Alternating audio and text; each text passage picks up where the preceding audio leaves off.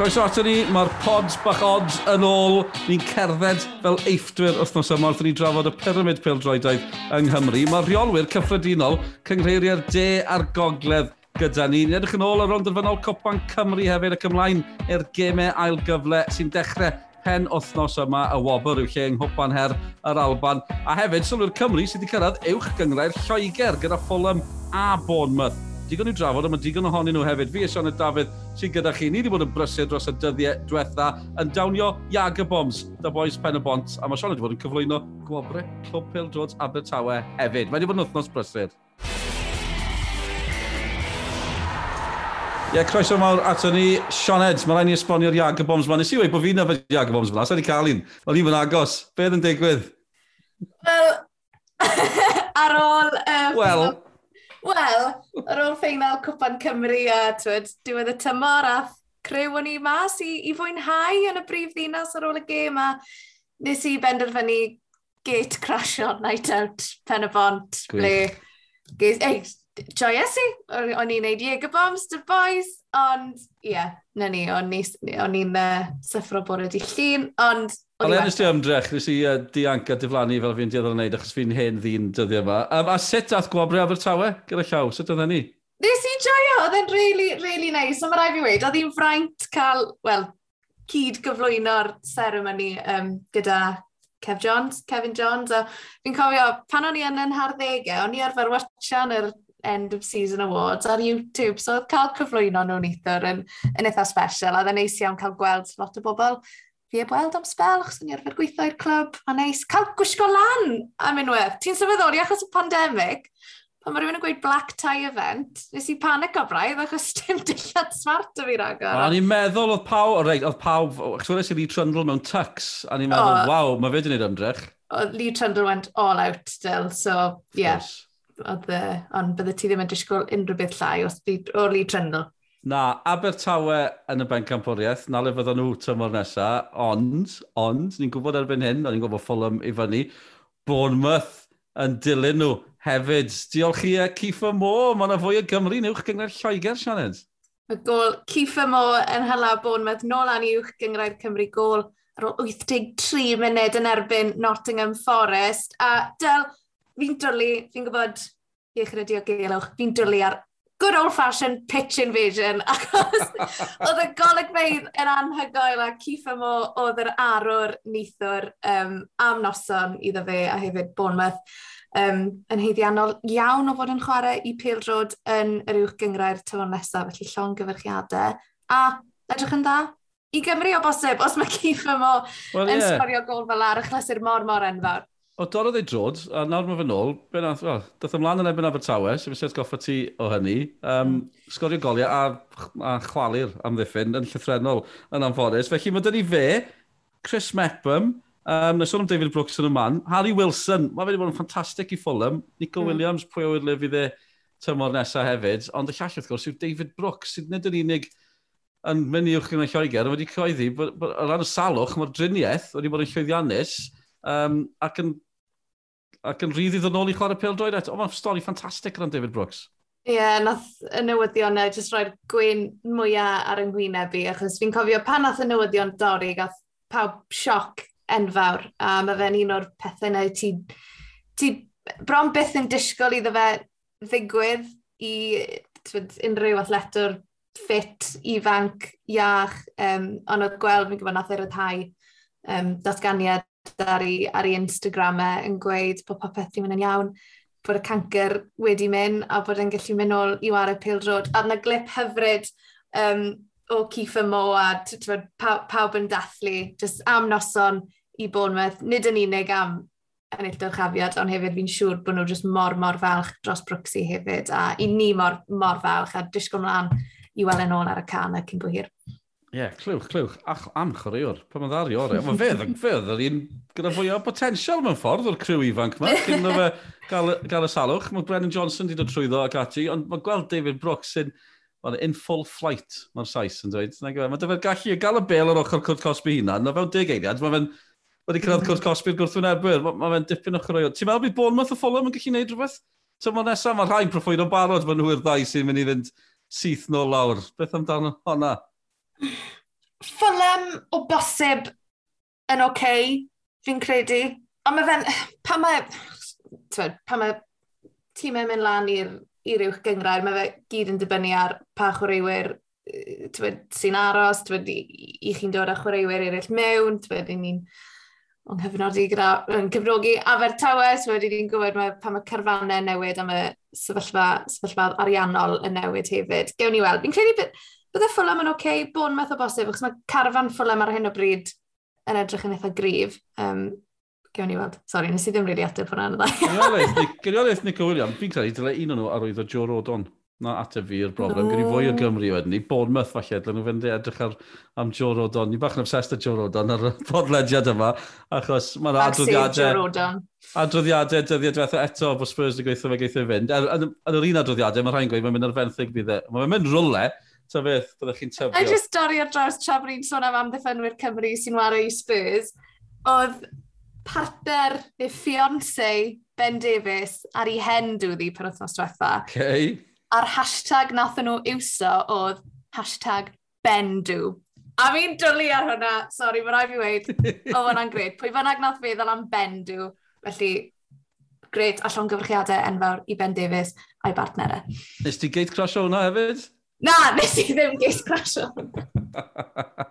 Wel, cyn yr holl crasio gatiau, o'n i yn rond yr fanol Cwpan Cymru. Di Sil ar y pen othnos, gyfaint o edrych blaen y Seinti Newydd yn erbyn um, pen y bont. Mae'r sgôr terfynol yn edrych yn cyffroes, tair i ddwy y Seinti Newydd, ond falle bod e ddim quite yn adlewyrchu'r 90 munud, Sioned. Na, a ti'n ti wastad yn cael y timlad oedd hi'n mynd i fod yn anodd i ben y bont just achos yr holl anafiadau maen nhw wedi cael. O'n i'n sôn rhyw bedwar neu bimp chwaraewr yn goffa cael injections cyn y game just fel bod nhw ddim mewn pôn tra nhw'n chwarae, basically. Um, so o'n i'n eitha surprise bod nhw wedi llwyddo enwi un ar ddeg eitha cryf. Um, ond o ti jyst yn cael y, y tymlad oedd y seintiau newydd yn hyddi ennill, nhw oedd y tîm cryfa, nhw oedd y tîm gorau yn y gêm, ond wedyn gaethon ni'r cwarter awr, deg munud, bonkers ne. Um, pen y bont yn sgorio dwy gol. Gol ar y gan Sean MacDonald, pan o'n i dy boys y Swans neithio, oedd pawb yn gweud, I didn't know he had that in him. um, so nhw gyd, yn, o'n nhw gyd yn sôn am gol Sean MacDonald i, i Ben y Bont. A falle, twed, syna 5 munud arall di bod, gallai Pen y Bont i cael y y, y trydydd gol yna, um, fi'n gwybod oedd Rhys Griff ddim yn hapus gyda'r penderfyniad am y cic o'r smotyn a phopeth, um, ond fi'n credu ar ddiwedd y dydd, y seintiau, yn hyddi ennill. Um, yeah, a just trenu am anafiadau pen y bont, achos... Ond oh, ni. A thi tymor nhw ar chwal braidd, mae cyrraedd rond yr mm. Cwpan Cymru yn golygu yn nhw'n gorffwys chwaraewyr. Um, Dwi'n ofni sôn am Cymru Ec o flan Rhys Griffiths, achos am y chlysur, un o'r uchaf bwyntiau'r tymor i ni ac i bawb sy'n ymwneud o'r gyngrair. A mae un cysau'r peth! Dath e allan o honna, di colli Mael Davis, Lewis Harling wedi wahardd ar gyfer y rownd fynol, y chreuwyr wedi cael ei cael ei anafu. Felly, i fod yn deg dy fe, gollon nhw gemau ola tymor, yn gollon nhw gymryd y chwaraewyr, ac ffyri beio nhw'n yeah. gwarchod y garfan a mynd mewn i'r gemau ola yna. Ie, yeah, achos gyda Cymru C, achos pen y bont ydy'r nifer fwy o chwaraewyr gath i dewis i, i gynrychioli Cymru. Oedd pedwar chwaraewr gyda nhw. Ar y pryd, ti'n meddwl, mae hwnna'n anhygol. Mae hwnna'n arwydd rili really da o ba mor dylentog mae'r chwaraewyr mewn sydd gyda pen y bont, ond yn y pen draw, felly, ie, yeah, nath yr holl beth weithio ni erbyn nhw. Ond, so, oedd yn diddorol gweld um, uh, Mael Davies gyda ni wrth ochr y cae, gath ei ran o'r cas na yn y gym Cymru Ec, oedd e gyda fi y Gwenan Harris, a oedd e'n hollol onest, achos nath e ddweud dan yr amser, oedd e'n teimlo bod nhw wedi colli pennau pan mildio mm. nhw'r gol gyntaf, a ildio dwy gol fewn fel mater o funud, dwy yeah. mewn dwy funud, a oedd e'n gweud, iawn, ond nhw ddim yn chwarae'n dda, ond oedd hi dal yn ddisgwr, ac yn sydyn mae'n dwy i ddim, felly mae'n na'r gwahaniaeth le. Er, gall tasyn nhw wedi bod mewn ar yr egwyl, hyd yn oed un ar ei hôl hi. Falle bod yn stori wahanol, ond dyna ni. A ni'n canolbwyntio tipyn ar, ar Ben y Bont. Ni'n angofio, mae Seintiau wedi gwneud y dwbl. Llon gwrchared iddyn nhw, Anthony Limbrick. Mae wedi gwneud eitha da ysgyrraedd. Neu oedd y parc chwarae teg, dda fe? Mae ma fe, ni dyma'r llawn cynta gyda Seintiau newydd. Um, na, tywed, ennill y dwbl a. Ti'n cael er, y, y tumlad hefyd. Mae wedi gwneud cwbl o newidiadau o ran y garfan, tywed, wedi dod â Declan McManus mewn, tywed, penderfyniad o defnyddio Conor Roberts yn y gol hefyd. So ti'n cael y tumlad nawr, tew, bod pethau'n dechrau siapo, hwn yw i dîmau. Um, e. a bydden ddiddorol i weld os mae rhywun yn gallu cystadlu gyda nhw tymor nesaf. I'm looking at you, Bala. I'm looking at you, Bala. Ia'n bob tymor. Yn i edrych, just as eisiau sôn am y trosgwyddiadau, falle yn yr haf, ond cyn ni, dewch i ni glywed gan y rheolwyr, achos oedd Sioned yn brysur wrth ochr y cae yn holi nhw ar ôl y gêm. Huge congratulations, JD Welsh Cup champions. Well, you look pretty subdued, but you must be delighted. No, of course we are delighted. I mean, we made it a little bit hard for ourselves at the end there, but look, credit to the opposition. I think they're absolutely fantastic. Even at 3 0, we knew that the game wasn't over. And we made sure we made the right subs and we saw the game out. We didn't obviously want to see it out like that, but look, we're very pleased. It's a really improved season for us, and to win a trophy come the end of the season and finish strong is what we wanted to do. They gave you quite the scare at the end there, I imagine. What was going through your mind? Yeah, of course. Yeah, look, uh, and and they, uh, like I said, even at that scoreline, the game was never over, and they keep going to the end. And big credit to them. But I thought our boys saw it out well. Connor at the end, the goalkeeper was fantastic. Came for a punch. Uh, Sis tied it up well at the back post there. So we got experienced winners in that team, and they deserve it, these guys. I've got to ask, our man of match, Jordan Williams, two goals about a minute for him. What a performance. Yeah, I'm really pleased for him because probably with the signing of Declan McManus, he's been undershadowed a little bit or, or overshadowed a little bit. And I think he got 15 in the league to get the two tonight. He's, a, he's a, a, an attackive, aggressive striker. And when he performs on the big stage like that, we're so pleased for him. Anthony, look, huge congratulations. Enjoy the celebrations tonight. Thank you very much. Thank you. I know it's all going to be very raw at the moment, but you gave it such a good go right until the end. What are your thoughts at the moment? Yeah, bit, bitterly disappointed to, to lose, lost the cup final. I thought, you know, they were they were dominant for large periods of the game. Um, game plan probably didn't work as well as we'd hoped. But then saying that, the first goal, it looked like a foul to me, I don't know if it was. I'd like to watch it back. Uh, and the second goal was poor from us. And then the, the third goal, look, you're, you're pushing, aren't you, and you're trying to get forward. But uh, what I challenged the boys to do at half time was to win the second half. And, and we did that. So, you know, I am, I'm so proud of them. And look, this was a great final, I'd like to think. Largely because of Penabont and the support we had here today, we made the final, and so proud of the people that came out to, to support us. Yeah, because there was a sense at the start of that second half you really started to get into a rhythm, and it was that penalty that almost killed the game, but then you showed fantastic character. Yeah, I suppose it did kill the game in many ways. You know, look, I think we're obviously disappointed, like you say, it is raw, but we'll go out tonight, we'll have a couple of beers and maybe we'll have a couple more afterwards. But I'm going to put my Penabon jumper on, I'm going to wear it with pride because thought I thought the boys were superb. Ashley Evans, Sean McDonald, Keane Watts, Nathan Wood, they haven't trained. haven't trained. Ashley Evans hasn't kicked the ball for eight weeks. He's gone out there today. I've never seen anyone as tired on a football pitch. So I'm so proud of them. And you know, I'll watch the goals back eventually, but at the moment, the air's raw. Reece, I'll let you go before we both get covered in champagne, but thank you for your time. O, dyna ni, y rheolwyr yn uh, siarad y Sioned ar ôl y gêm. Rhys Griffiths yn gweud, sôn am y balchder, mae'n siŵr bod yna Sean yn amlwg Sean ond mae yna balchder. Rydych pan chi'n edrych rownd yr eisteddau yna, mae'n glwb sydd i uno, uno dau glwb, dechrau'r dechrau mewn ffordd, a'i gael dros mil o'i cefnogwyr nhw yno, a dros 2000, bron 2000 o hanner yn y gêm, oedd yn teimlo fel llwyddiant yn Stadiwm Dinas Caerdydd. O, ti'n mae rai fi wedi, oedd yr achlysur, oedd yr awyrgylch yn gret, a lot o hwnna lawr i gefnogwyr pen y bont, mae rhaid fi wedi, oedd Dwi'n y ffaith o dros mil o'n nhw wedi troi lan, fi'n gwybod, ti'n amlwg, mae'r stadion bach yn agosach i, i, i gefnogwyr pen y bont, ond oedd e jyst yn, yn gret i weld. A mae rai fi wedi, pan nes i glywed oedd y ffeinal yn mynd i fod yn stadion Dinas Cymdeid, o'n i ddim cweit yn fan o'r syniad, o'n i jyst yn meddwl, o, bydd y stadion yn wag, felly, bydd e ddim yn edrych yn gret, kind of, ar, ar gamra, ar, ar, ar y tyledu, ond mae rai fi wedi, ges i fy mhrofi'n anghywir achos nes i really, really joio'r achlysur a fan enfawr o galau yn y stadiwm, yn y brif ddinas.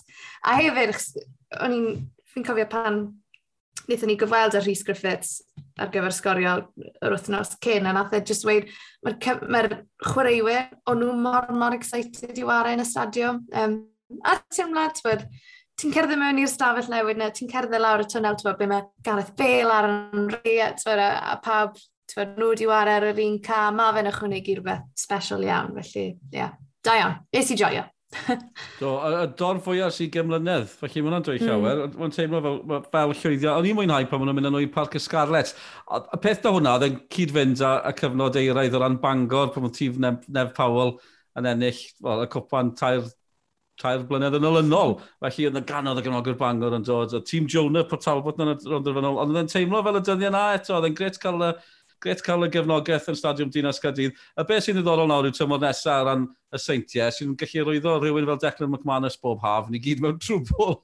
Ond bydd hi'n ddefyr gweld pwy sy'n mynd ble. Mae'r fi mynd i bwyntio mwy. Os fi ddim eisiau proffwydo haf ma gyda llawn a wedyn ni'n syth ar ôl beth y gyda tyfod diwetha, pawb yn cwyno bod ni'n proffwydo. No way, fi ddim yn neud e. Ond, nes i wneud y trwy diwetha heb edrych llawer ar y carfanau, byddai'n canolbwyntio mwy o'r pwy sy'n arwyddo pwy haf yma, achos chi'n gweld, mae'n bach o scramble, mae'r bala yn mynd i gryfhau, mae Cey Conna ddim yn mynd i, wel, gen i weld beth nhw, ond chod, boys fel Pen y Bont, Flint, mm. maen ma nhw'n mynd i gryfhau eto. So bydd hi'n ddifur iawn gweld le mae'r carfanau yma erbyn i ni gyrraedd mis awst.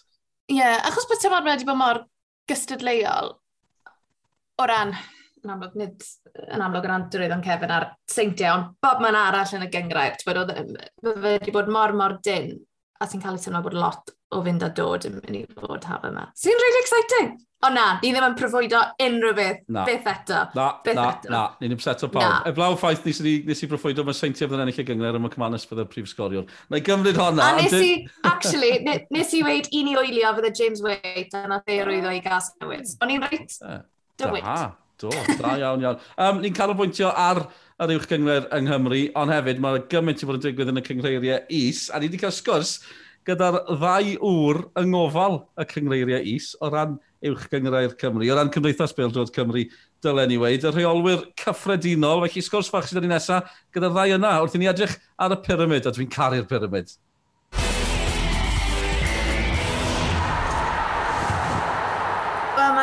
braf, braf iawn cael cwmni Nick Davies a Dewi Evans, rheolwyr cyffredinol y cyngreiriau fan hyn yng Nghymru. A braf iawn cael y ddoi chi yma. A ni bron e. Ni bron a chyrraedd diwedd y tymor. Nick, siwr tymor mae di bod yn y...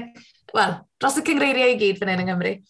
Wel, fi'n credu bod un gair ni'n gallu defnyddio i hir, i fod yn onest.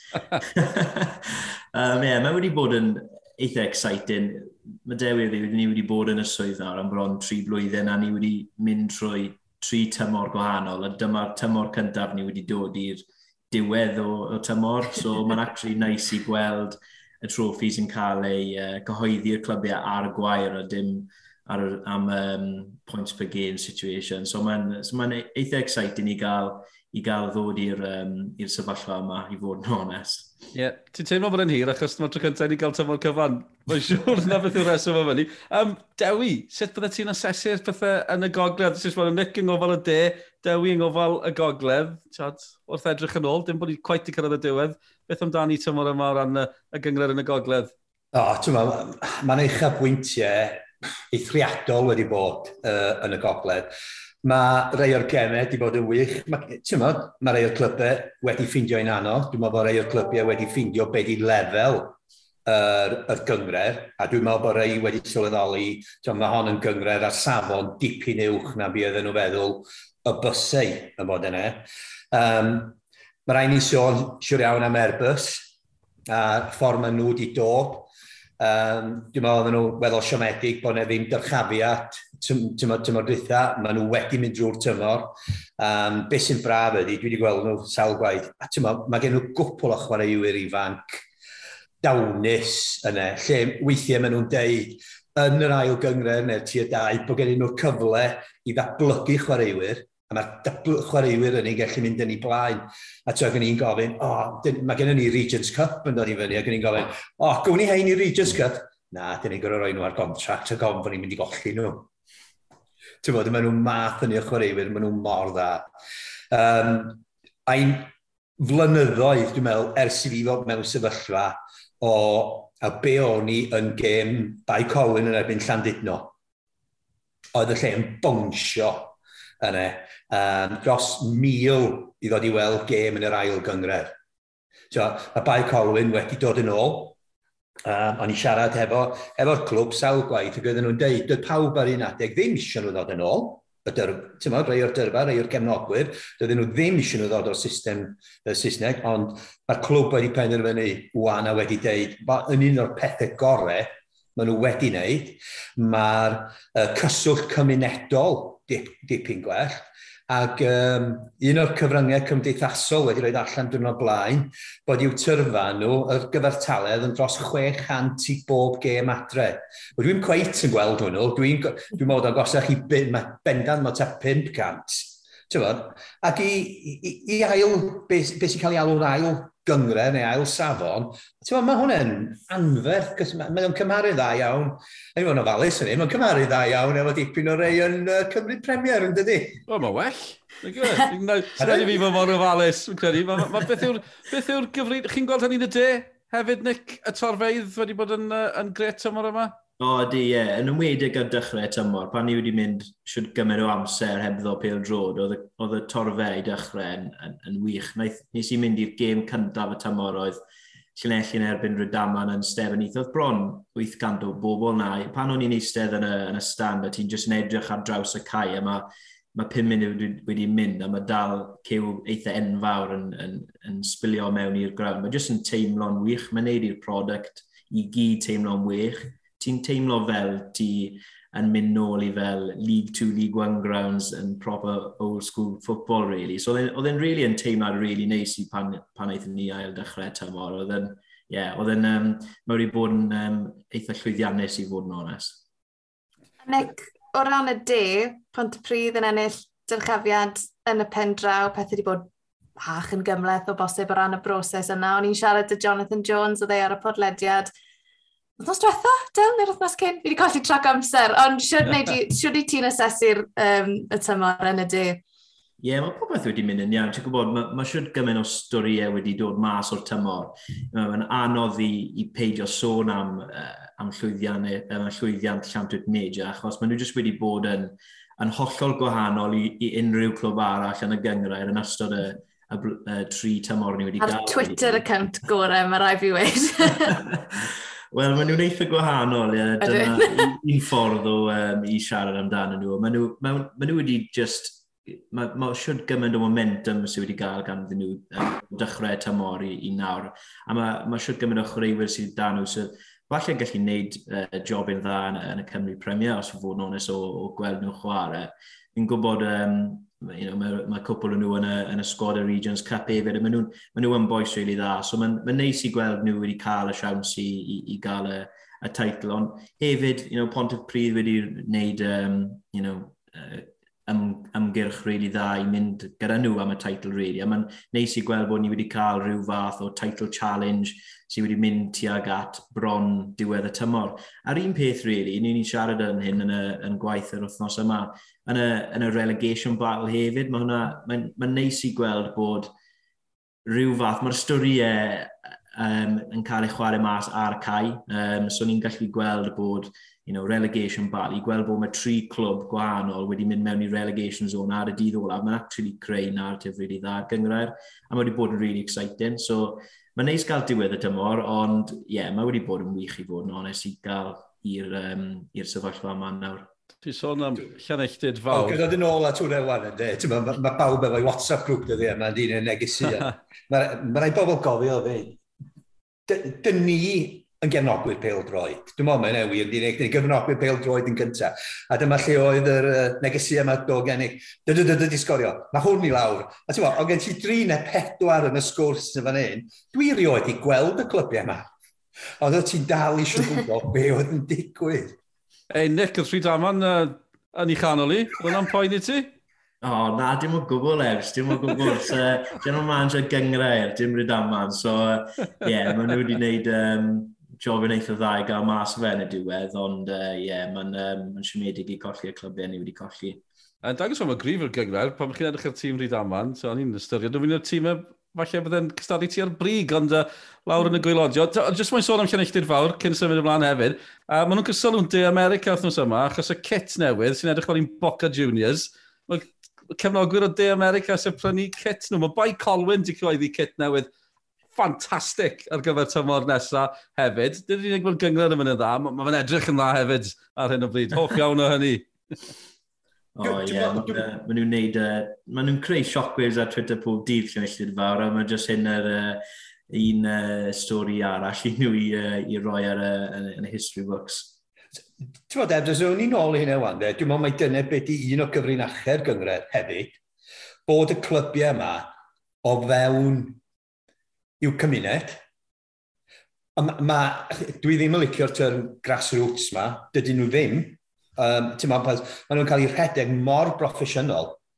Dyn ni'n gallu danfon e, e-bost e, allan i glwb bore yma, a lle ddeithu ti erbyn diwedd nos, dyn ni wedi cael ateb gen nhw. Maen nhw mor broffesiynol yn y ffordd maen nhw'n gwneud. Mae y ffordd maen nhw'n rhoi fel Llanuchyd Fawr, mae ma, bob un yn nhw'n rhoi pethau allan ar ryw cyfryngau cymdeithasol i dynnu bobl i mewn. Ond dwi'n meddwl mae proffesiynol di'r ffordd gorau i ddisgrifio rhan fwyaf nhw. Falle bod y, y lleol yn helpu, mae'r tyrfeid wedi bod yn wych, yw'r ffaith bod yn lleol yn helpu am hynny, yw'r her wedyn ni, yw'r dim eich problem chi, ond yw'r uwch gyngrair yng Nghymru, i gael hwnna, achos mae'n mae, dipyn mwy anodd, mae'n fwy o deithio ac ati dewi. Ond sut ni'n wel, sut ni'n cyfloi'r cyfleu'r cyffro na yn yr, yn yr uwch gyngrair wedyn ni? Os na, os na wersi i'w dysgu o beth sy'n digwydd yn y deir gogledd? Um, Mae'n anodd iawn i ni ddeud. Um, Ti'n bod y gwahanol bethau yma. Ma, ma, yr un peth sy'n dda am hyn i gyd, mae gen ti dri Os dyn ni'n edrych ar ochr yr dynion, mae gen ti dri rheolwr um, fel Gwyn yn y Cymru Premier a mae mae Nick yn y gwylod. Mae ma pennaeth adran ni'n deud, dyn ni gon lwcus yn, yn, yn, yn, yr ail yn fan hyn, mae gen ti ddau wahanol berson yn Nick yn fi'n Fel ydych chi'n gallu gweld, dwi dipyn hun efo. Felly gallai i gwneud rei pethau, a dwi gon parod i lychio nhw i Nick. Nick, sort of di hwnna, allan lle ni ddodd ei, os dyn ni'n edrych ar rhywbeth eri, o, oh, ni di edrych ar hwn.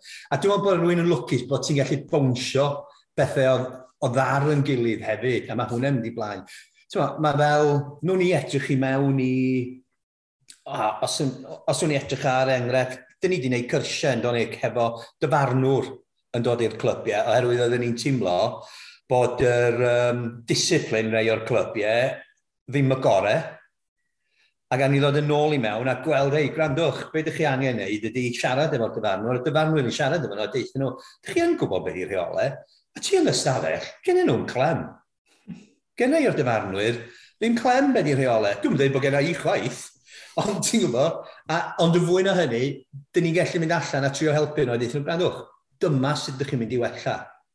Mae'n eger enghraifft, ti'n gwybod, mae, mae o'n gallu mynd efo, efo syniadau sy'n ni'n meddwl amdan. A dwi'n dal yn mynd deall nhw. Ond, Be sy'n taro chi? Chi'n gweld, i fod yn deg da clybiau uwch gyda'r Cymru, a fi a Sioned yn holffordd yn ddiweddar, clwb sy'n gwneud gymaint o ymdrech yn y, yn y gymuned. Felly mae'n ar gyfrinach, dod o'r gymuned i mewn i'r clwb. Mae fe'n gwneud, um, ma fe gymaint o waniaeth. Uh, Nick, a bych chi gyda bari lawr yn y dyn, tymor nesaf hefyd. Mae nhw gyda cefnogaeth gwych. Felly, felly mae'r ma, ma gymuned yw'r gyfrinach, felly, Nick? O, ie, yeah, sicr. Yr un beth o'n i'n uh, dweud i'r clybiau pan i'n siarad nhw, i bod os chi'n gallu ffeindio ffordd i i nedu eich cymuned a'ch clwb.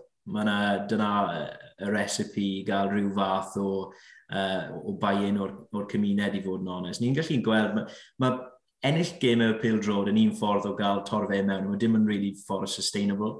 Mae'r clybiau sy'n gael torfeidd oni bai bod nhw, you know, pan maen nhw dal yn colli gêm mewn, maen nhw dal yn cael torfeidd eitha mawr hwnna ti, pan ni'n gwybod mae'r clwb yn sustainable. So pan ti'n gweld clybiau fel Bari, gyda'r un o'r torfeidd mwyaf yn, yn ystod y gêm, uh, gêm domestig yn Gymru, a wedyn maen nhw'n dod i lawr, mae nhw'n gweld bod y, y, y gwaith maen nhw wedi rhoi mewn. Ti'n gallu gweld e'n digwydd, mae da ni uh, yr afantais bod ni'n gallu creu mwy o uh, local derbies yn, yn yn gyngreiriau ni gymaru ar Cymru Prem.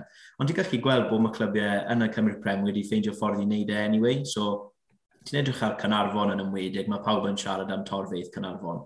Mae nhw wedi ffeindio ffordd i, i bobl bod yn prod o'i clwb nhw, ond i bai, uh, on i bai bod y results falle dim yn, uh, yn amazing pob wythnos. Maen nhw dim yn ennill y teitl, ond maen nhw'n gael y, y torfeidd mwyaf yn y gyngred. Felly, o'r ennill gêm o pildrod ddim uh, y secret i, i gael y, y torfeidd, ond i just cael y, y cymuned i bod yn mor proud o, o eich clwb, really, fi'n credu. A, a, a, a dyma lle, lle mae'r gyferbyniad rwan. Mae Nick yn edrych â ni fel le, a dwi'n dweud, oh, come on, mae chi ennill. A dyna sydd mae'n gweithio. Ie, yr un ffordd ni'n siarad amdano fe, ni wedi gael y sgwrs yma o blaen, fi'n dweud pan ych chi'n mynd i game pale dro, dyle fe fod fel pan ych chi'n mynd am uh, coffi gyda ffrind. Mae o'n wrong, iawn. Ddim yn becso, ddim yn becso am safon y coffi, chi'n mynd am social experience. Ond mae Dewi yn uh, cysau hwnna, achos mae'n... Um, mae'n really yn hoffi coffi. So, uh... O fe'n barista, o fri. Yeah, so e? dewi yw'r barista. Nick, ti'n i fed instant, probably. Yeah, syth o'r kettle. Ac i fi'n dychmygu nawr, mae dewi dy ryw coffi machine anhygoel yn ei gegin ag ytre. Um, yn y gornel yma. Mae'n fresa'n doli gen y plant. Fi'n cochi, wan, wan, O, mae rhaid cael coffi da. Gai ofyn i chi am beth sy'n digwydd o dan y cyngreiriau yn y de a'r gogledd. Mae yna gyngreiriau ardal, i'r rhaid i sydd ddim yn ymwybodol. Mae yna bedwar ohonyn nhw, mae'n eitha syml, gogledd ddwyrain, gogledd o'r llewn, de ddwyrain, a'r uh, de gorllewin, fi wedi dresu'n hunan fyna ar ôl gwybr yn hollol syml. Um, na ddechrau dy Nick, felly, well ti esbonio y patrwm ar ddiwedd y tymor nawr, achos mi fydd na glybiau yn esgyn. Mae yna gemau gyfle hefyd, oes e, yn y cyngreiriau yma? Ie, yeah, so yn y dau gyngrair yn y, yn y de a'r gogledd, mae'r uh, enillwyr y gyngrair yn mynd i fyny, um, a wedyn mae ail, ail, uh, ail yn y bob gyngrair yn chwarae yn erbyn ei gilydd yn y gêm ail gyfle. So mae un gêm i fynd yn ystod y, y, y, yn, y, yn y tymor i'r dau gyngrair, felly mae nhw'n cwblau penwthnos ma, so mae'n mynd i fod yn eitha, um, eitha exciting i diwedd y tymor yn y, yn y gyngrair yma. A beth amdani yn y, yn y gogledd wedyn ni? Dewi, amlwg, yr un patrwm, fe mor gystadleuol yw i? Uh, mae fo'n gystadleuol iawn. Um, Mae'n uh, ddau ben campwr, Wyddgrig a Chirk. Felly mae'r ddau dîm sydd yn ail yn mynd i fod yn cystadlu yn erbyn i gilydd. Ond mae rhaid ni gofio hefyd um, bod rhaid i'r clybiau yma ac yr ei sydd yn y gyngrair yn barod gael y trwyddedau priodol. Ac um, dyna beth di dyddiau a dy Gwener yma ydy'r uh, dyddiau trwyddedu a gweld beth oedd allan o hynny. Beth arall sy'n digwydd? Mae'r Regions Cup mae'n digwydd mis nesaf, boys. Nick yn erbyn Dewi, y gogledd yn erbyn y de. Chi'n gallu esbonio bach mwy am hwnna? Dwi'n gwybod beth sy'n mynd i fod yn digwydd. O, dyn ni dan anfantes yn y gogledd. Straight in, straight in. Ti'n gwybod be, mae o'n hynod ddiddorol. Dyma lle dwi'n dechrau mynd lawr y trywydd o, o bethau sy'n hynod ddiddorol. Um, mae rhaid i'r chwaraewyr bod rhwng 19 a 40. Dyn nhw ddim i fod wedi bod i chwarae Cymru Premier neu uh, yn y safon uchaf yn, yr, yn y wlad. Dyn nhw ddim chwaith i fod wedi bod ar gontract, er enghraifft. Mae yna un chwaraewr oedd y rheolwr isio, ac oedd o wedi bod ar gontract am ddau fus adeg Covid er mwyn cael hyfforddi. Geith o ddim i ddewis o, ond nath o'n chwarae gêm gynt, mi yn gêm trian.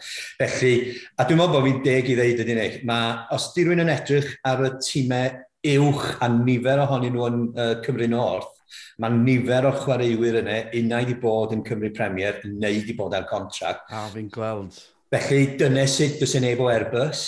Pryn iawn ydyn nhw o Bai Colwyn, pryn iawn ydyn nhw o Llandudno. Lle os yw'n i edrych i lawr yn y de, faint sy'n e o Pont y Prif? Ie, yeah, mae pum? Ie, yeah, chwech. Ie, yeah, chwech. Felly, ti'n mynd, mae'n ma mynd i fo'n hynod y ddiddorol. Be, be, pa effaith mae hynny wedi cael um, mae'n yna rei o tir o haen tri yn cyngred y gogledd. Dwi ddim yn trio deud bod nhw ddim yn lle o gwbl. Excuses, Dewi, excuses. Wel, dyma, dyma beth sy'n gennym ni, man. Mae'n ddiddorol, felly, a, a, wrth i'r cynghreiriau yma ddatblygu ar dros y blynyddoedd, falle bydd llai o chyrwyr ar gael o'r, or, or ddwy, ond y de a'r gogledd, achos am ni, mwyaf proffesiynol bydd y clyfau mewn mynd, mwy o chyrwyr bydd ar gytundebau. Ie, yeah. ie. Yeah. Felly mae yna gêm, dwy gymal, dau gymal i ddod, mae un penwthnos yma, chi'n fai mae'r gystadleuol? Fydd i, fai mae'r gystadleuol i fi rhwngthoch chi'ch dau, Nick? O, oh, fi'n credu bod, uh, fe'n mynd i bod yn, yn, yn uh, interesting iawn i gweld sut mae'r safonau yn gymaru i gilydd, achos mae'r tro cyntaf i y clybiau yma cael chwarae yn erbyn i gilydd, really. Maen nhw'n cael y siawns yn ystod y, um, y, y rounds olaf yn yr MG Cup ac yn y Cwpan Cymru. Ond i ddim wedi cael unrhyw fath o, o cysadleuaeth o flan ble mae'r clybau yma'n gallu mynd yn erbyn ei gilydd.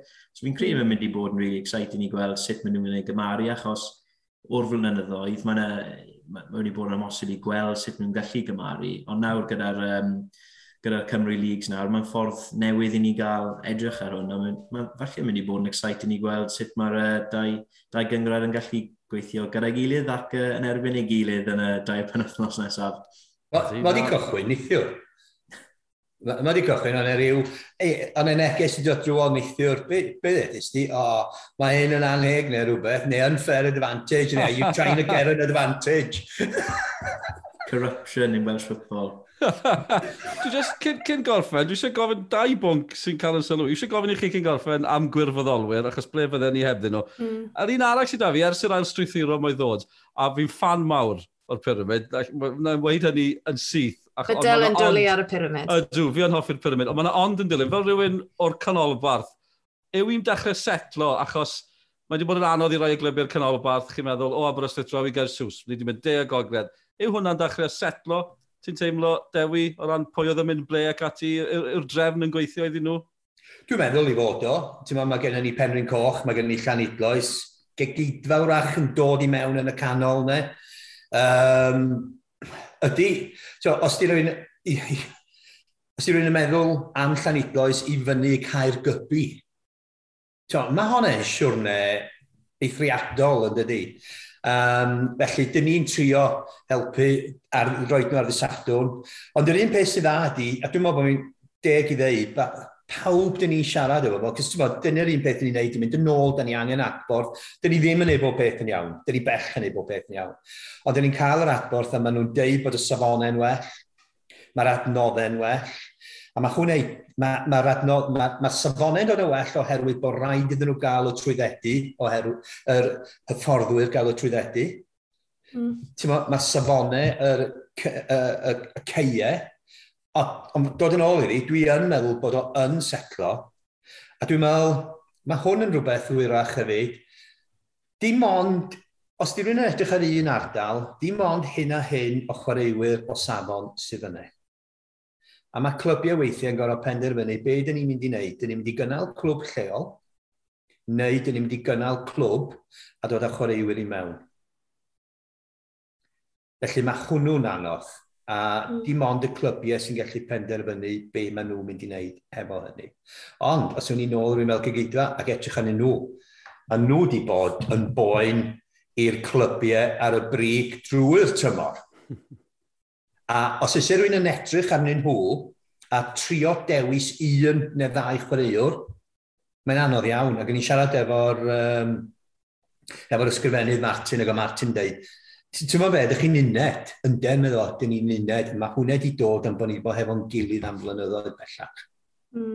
A dwi'n meddwl na dyna lle mae tîmau fel sydd yn y canolbarth yn gallu, ti'n meddwl, cystadlu a bod ar ei fyny gymaru efo gweddill y gyngred. Safon yn well, cyflwyster yn well, mae'r coffi'n well. Fi? Ni? Yndi, y siop dan Aberystwyth yn does. O, ti di fi'n becso ar dewi, achos os i fi'n cynnig coffi ti, mae eisiau fe fod up to scratch. Just uh, gwirfoddolwyr oedd y peth ola ni'n mwyn holi chi amdano chiod, o, o bob man. Chael mae'n glybiau sy'n cael amser caled, mae'n rhaid chi'n cael bangor, Port Talbot, mae'n chiod, four crosses, clwb bach sy'n dioddau, falle. Ond chiod, mae'r gwirfoddolwyr ma, ni'n siarad yr oed sy'n fod gyda amaturiad y blaenau, clwb arall falle sy'n wedi cael tymor anodd, ond maen nhw dal yno wythnos i wythnos yn cadw'r clwb i fynd. Faint o ddiolch stan i'r pobl yma dros Cymru, Nick? No, ti ddim yn gallu rhoi mewn geiriau, achos ti wedi gweld dros y dau flynedd, y dau flwyddyn diwethaf, beth maen nhw wedi wneud i gael eu glybiau i, i parhau yn ystod yeah. uh, trwy Covid. I gael bron bob clyb yn Gymru jyst i, i, i dal fod yma, mae hwnna'n jobyn anferth o'r uh, gwirfoddolwyr i, i just gallen sicrhau bod ni'n gallu cael pildrod pan aethon ni dod yn ôl. So i'r pobl yma, maen nhw'n ma nhw volunteers ydyn, ond maen nhw wedi rhoi siwt gymaint o oriau mewn eu glybiau. Ma, ma, ti'n gallu gweld pan ti'n siarad yn nhw, mae Dewi'n gael yr un beth yn y gogledd siwt o fod. Ti'n gallu teimlo uh, y faint maen nhw'n caru amdano eu clwbiau. Maen nhw ddim yn neud am unrhyw beth arall, ond i bai bod nhw'n eisiau rhoi rhywbeth nôl ei gymuned. A pan ti'n gweld na, ti'n gallu sympathisio gyda nhw pan mae pethau falle ddim yn mynd y ffordd maen nhw eisiau, achos Mae'n nhw wedi rhoi siw gymaint y gwaith uh, mewn i, i gael nhw mewn i'r safon yma. Mae pethau just falle ddim yn mynd yn iawn weithiau. Mae'n ma emosiynau yn dod mas. Ti'n gallu teimlo achos ni gyd yn cefnogwyr Pale Road. Ni gyd yn gwybod y, yr emosiynau sy'n gallu dod mas o Pale Road. So ti'n ti, ti yn teimlo dros nhw. Ond mae'r bobl yma, yn ymwedig yn, yn yr ail hain, you know, mae'r ma, clybiau yma, maen nhw ddim yn full-time uh, yn, y, yn yr ail hain, ond maen nhw yn newid y ffordd maen nhw'n meddwl amdano'r clybiau. Mae'r mae uh, fwrddiau sydd ganddyn nhw a'r uh, pobl sydd y skill set sydd ar eu committees, maen nhw wedi newid siwt gymaint dros y tair blynedd diwethaf. Uh, a fel um, grŵp o, o gwirfoddolwyr, maen nhw wedi gwneud just job yn really wych. Uh, ni'n diolchgar i nhw i uh, sicrhau bod Dani a Cymru North a Cymru South pob wythnos, a maen nhw sy'n uh, helpu ni sicrhau bod hwnna'n digwydd. So, e, nes i ddeud un sylwad ar y dechrau, dwi'n meddwl, A fel mae Nick yn dweud, dyn ni ddiolchgar iawn iddyn nhw, maen nhw'n helpu ni. Ond dwi'n meddwl nes i sylwad o, nhw'n i ddano o'n e-bost yn y bore, a llawn staf bod ni'n cael ateb yn fi'n nos. A dyn ni'n trafod hefo gwirfoddolwyr. Boed, boed rhywun sydd yn yr ysgol, yn ateb amser cinio, neu adeg egwyl. Ma, maen nhw yn gwneud o, fel y dod Nick, dyn ni'n hynod diolchgar i'r cefnogaeth maen nhw fel hyd i ni. Ie, yeah, bendant. Diolch amdano nhw. Bydde dim gêm da ni'n ei wlad yma hefyd nhw. Ond diolch i chi'ch dau hefyd. Sa'n ni fod yn dipyn o dymor yn y de a'r gogledd. A fi'n edrych mlaen i'r i'r diweddglo ar y cwpan rhanbarthol yma. Fi yn poeni am y dadle, Sioned. Gobeithio fydden nhw dal yn ffrindiau ar ôl ni. Fi'n siŵr bydd pawb yn ffrindiau. Uh, Nick a Dewi, diolch o galon. A, wel, dwi'n tyfod ddim wedi gorffen, ond welwn i chi tyfod nesaf ta beth. Diolch yn fawr iawn. Diolch yn fawr iawn. Wel, i ni bron eich yna diwedd y pod. A i ni bron iawn eich yna diwedd y tymor, ond Mae yna bach mwy o bêl drod gyda ni ar sgorio dros yr wythnosau nesaf. Y gemau ail gyfle am le yng Nghwpan Her yr Alban. Carnarfon yn erbyn Met, Cyrdydd, Dyd Sadwrn yw ein gêm byw, a wedyn mae'r Flint yn croesawu pen y bont i Gair Castell yn yr ail gêm brynhawn Dyd Sadwrn. Del bach yn wahanol eleni, maen nhw ddim yn cystadlu ar gyfer lle yn Ewrop. Byn nhw'n mynd lan i'r Alban hefyd, siŵr bydd lot o hael. A tywydd braf yn yr Alban. Ond ysgofion melus iawn o sgorio a tîmau Cymru yn waren yr Alban yn y gorffennol. Mae'r clybiau ti'n mwynhau e, fi'n credu. Mm. Dyw e ddim cysur o ran mynd i Ewrop, achos o'r arian Ewropeaidd na, jyst yn, yn enfawr. Fi'n credu bydd hi'n... O, mae rai fi wedi, fi'n credu bydd e'n greulon ni... Pwy bynnag sy'n ennill e, Mae'n siŵr bod nhw'n meddwl, o, mae'n ennill y gemau'r gyfle, er flwyddyn dyn nhw ddim yn mynd i Ewrop. Ond eto, oedd yna lot o ddiddordeb yn y gemau yma, nath y clybiau mwynhau y gemau yma, profiadau gwych, a ceicon ar holl ffordd i'r rownd derfynol, wrth gwrs, A cystadlu yn erbyn clybiau'r Alban, mis nhw'n dda yn Ewrop yn erbyn clybiau'r Alban hefyd, fi'n cofio, fi'n i Glasgow i gartre Patrick Thistle, oedd yna'n dipyn o brofiad hefyd, felly oedd Sylwebr sgorio mwynhau, dim bod nhw ddim byd i wneud efo o gwbl. Ond maen nhw'n gwneud y dda i gadw'r fformat. Fi'n credu bod wedi helpu o ran y gyngred i gadw fformat bod yna gemau ail gyfle. Ar un mm. adeg, o'n i yn meddwl, sgwn i, achos mae clybiau Rwysia a Belarus wedi cael ei gwahardd Ewrop, o'n i'n meddwl, sgwn i os fydd na le bach ychwanegol i Gymru, ni wedi cael cadarnhad wythnos yma, dwi'n nhw ddim yn mynd i fod yn digwydd. Ond daw e yn ôl, mi fydd y pedwar lle yna nôl tymor nesaf, fwy na thebyg, mae'n dal i ddisgwyl y cadarnhad. Ond mae'n gystadleuol, byddwn ni'n meddwl, bydde pob un o'r clybiau mae eisiau chwarae yn y gystadleuaeth yma. Fi'n credu oedd lot yn gwylio'r gemau hefyd, oedd lot o ddiddordeb yn y gemau yma, felly mae fe'n hmm. bwysig o ran sgorio, a gewn ni weld beth awr os wythnos nesaf. Bach yn anodd i nhw ail godi hunain, ond pa bynnag dîm sy'n eisiau ennill rhain, mae fe'n aedd nhw, dwi'n teimlo, felly mae Cynarfon eitha hi. Gewn ni weld sy'n eithi ar yr ofal. A trepach neis lan i'r Alban, i'r cefnogwyr hefyd. Gobeithio. Bydd cyfnogwyr, bydd y cofis na, sy'n mots le fydden nhw. Os na nhw ennill, ffordd bell i fynd eto. Ac ar ôl meddwl, mae'n mynd i fod y gêm ddifur, achos Mae Met cydydd yn dîm diddorol, achos ni dal yn sôn bod ni'n dymor ola'r Christian Edwards. Dwi'n wedi cael ei gêm ola, achos maen nhw wedi llwyddo cyrraedd y gêm ail gyfle yna. Felly, mae yna pethau mwy rhyfedd wedi digwydd, felly mae'r Met fydd yn fynd â hi. Pwy a oer, fi jyst yn profwyd o popeth a gweld pa ffordd bydd y pelin yn glanio. Ond dyna ni, na ni penwthnos yma, Canarfon yn erbyn Met, a mae'n fyw gyda ni ar sgorio. dyna ni am wythnos arall. Diolch yn fawr i Nick a Dewi am yn ymuno ni ar bodlediad sgorio. Del, cyn i ni fynd, os rhywbeth arall, di dal dysylw di wythnos me? Os ma na, os na chi'n cefnogi Arsenal, falle fi dim diddordeb da chi yn hwn, Louis Dunford, canwr o Linden, mae fe bach o Dick Van Dyke yn uh, Mary Poppins, mae fe'n Giza, mae fe'n gefnogwr Arsenal, a mae dy fe gan The Angel yw i, a just yn dangos sio mae gofannau cymdeithasol yma yn gallu ffrwydro Mae cefnogwyr Arsenal yn sydyn wedi mabwysiadu'r gan yma, a mae'r boi di fynd i'r un yn siartiau iTunes. Dros nos, mae'n glasur, North London, forever. Fel fi'n gweud, mae fe'n geezer, cheeky chappy. Gwrandwch arno fe, mae cyneuon hyfryd y fe, a'n falle bydd dim diddordeb ydych chi snach yn cynnogi Arsenal. Er maen nhw'n gyneuon da, fi'n offi nhw tybed. A mae'n bydd wythnos mawr achos fi dal yn breuddwydio am y pedwerydd safle. A ni'n chwarae Spurs wythnos nesaf! A na i siarad y ti cyn yn ni, Sioned, fi'n poeni. Ydw i'n swnio nerfus? a Ydw fi yn. Fe stop o siarad nawr. Wel, diolch yn fawr am eich cwmni chi wythnos yma. Cofiwch i'n gêm byw ni Cynarfon yn erbyn Met Cyrdydd am 5 o'r gloch ar fydd Sadwn yn byw ar blatfformau ar-lein sgorio. Yn un ôl cyn bo hir. Cofiwch tan ysgrifiwch. Welwn i chi tro nesaf. Ta-da! No, Flandern forever! How late give you gone, right? I need to listen to this.